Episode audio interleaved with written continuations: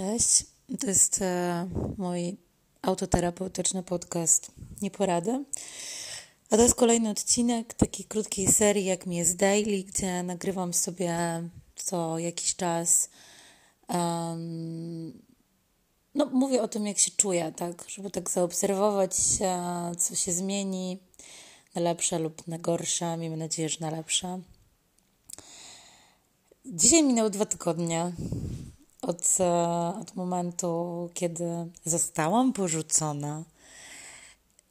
I e, to w ogóle jest niesamowite, jak myślę sobie, że to dwa tygodnie, bo wtedy, kiedy spotkałam się z tym gościem i kiedy byłam w tej relacji, to wydawało mi się, że w ogóle dwa tygodnie bez kontaktu i w ogóle bez widzenia się to będzie coś strasznego. Tymczasem minęło dwa tygodnie i no i kurde, świat idzie do przodu, nic się nie zatrzymało, wszyscy dalej żyją, czują, myślą, cieszą się, mają przykro, przykre rzeczy, przeżywają, wszystko idzie do przodu.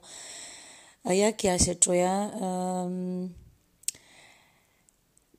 No, najgorzej jest chyba rano i najgorzej jest wieczorem i najgorzej jest wtedy, kiedy jestem sama.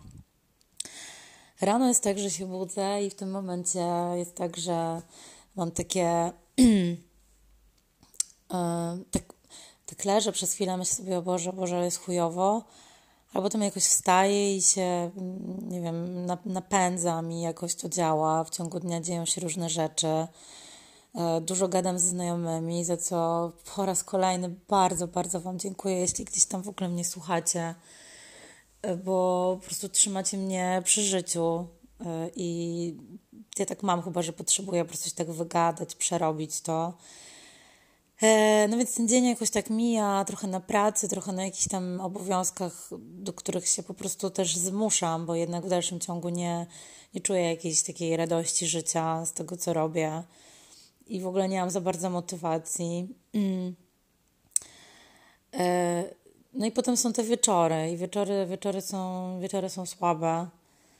Chociaż na przykład wczoraj już nie było tak źle, bo wczoraj wyszłam sobie do koleżanki tutaj w bloku yy, i zapaliłam sobie z nią yy, legalną marihuanę i zrobiło mi się jakoś tak przyjemniej.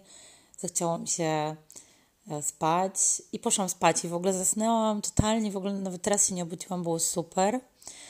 No a dzisiaj rano znowu znowu się obudziłam i znowu e, i znowu miałam jakiś taki właśnie moment, że myślałam sobie, wow, ale jest chujowo. Ale słuchajcie, pozytywne w tym wszystkim chyba jest to, że rzeczywiście po tych dwóch tygodniach czuję, że znaczy mam takie flashbacki oczywiście cały czas, tak, że Boże, Boże, jaki to on był wspaniały, jaki to było super, ale zaczynam widzieć powoli, że tak, zaczyna mi odpuszczać mój ścisk w żołądku, to jeszcze się zdarza, mam takie ukłucie jeszcze i tam jakoś tam mnie, wiecie, ściska i tak mnie dojeżdża, ale to już jest trochę, trochę mniej tego jest. I zaczynam zauważać coraz bardziej, jak ja się kurwa dawałam robić temu kolesiowi, jaka ja byłam głupia. I no i to mi e, jakoś tak uświadamia, że może dobrze, że to się skończyło, bo pewnie ciągnęłabym to w nieskończoność. I, i pewnie e, nie byłabym w stanie się z tego wygrzebać.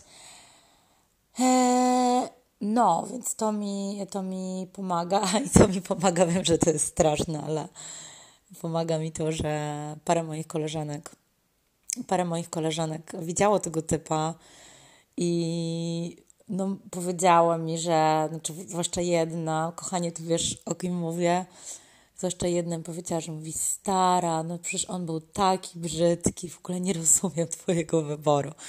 Ja wiem, wiem, że to jest straszne, bo wiem, że w brzydkich ludziach też ludzie się, też można się zakochać. No ale to jest taki, wiecie, miód, taki, taki plaster na moje złamane serce. Tak się pocieszać tym, że ktoś taki brzydki, bo no wiem, to jest takie płytkie bardzo.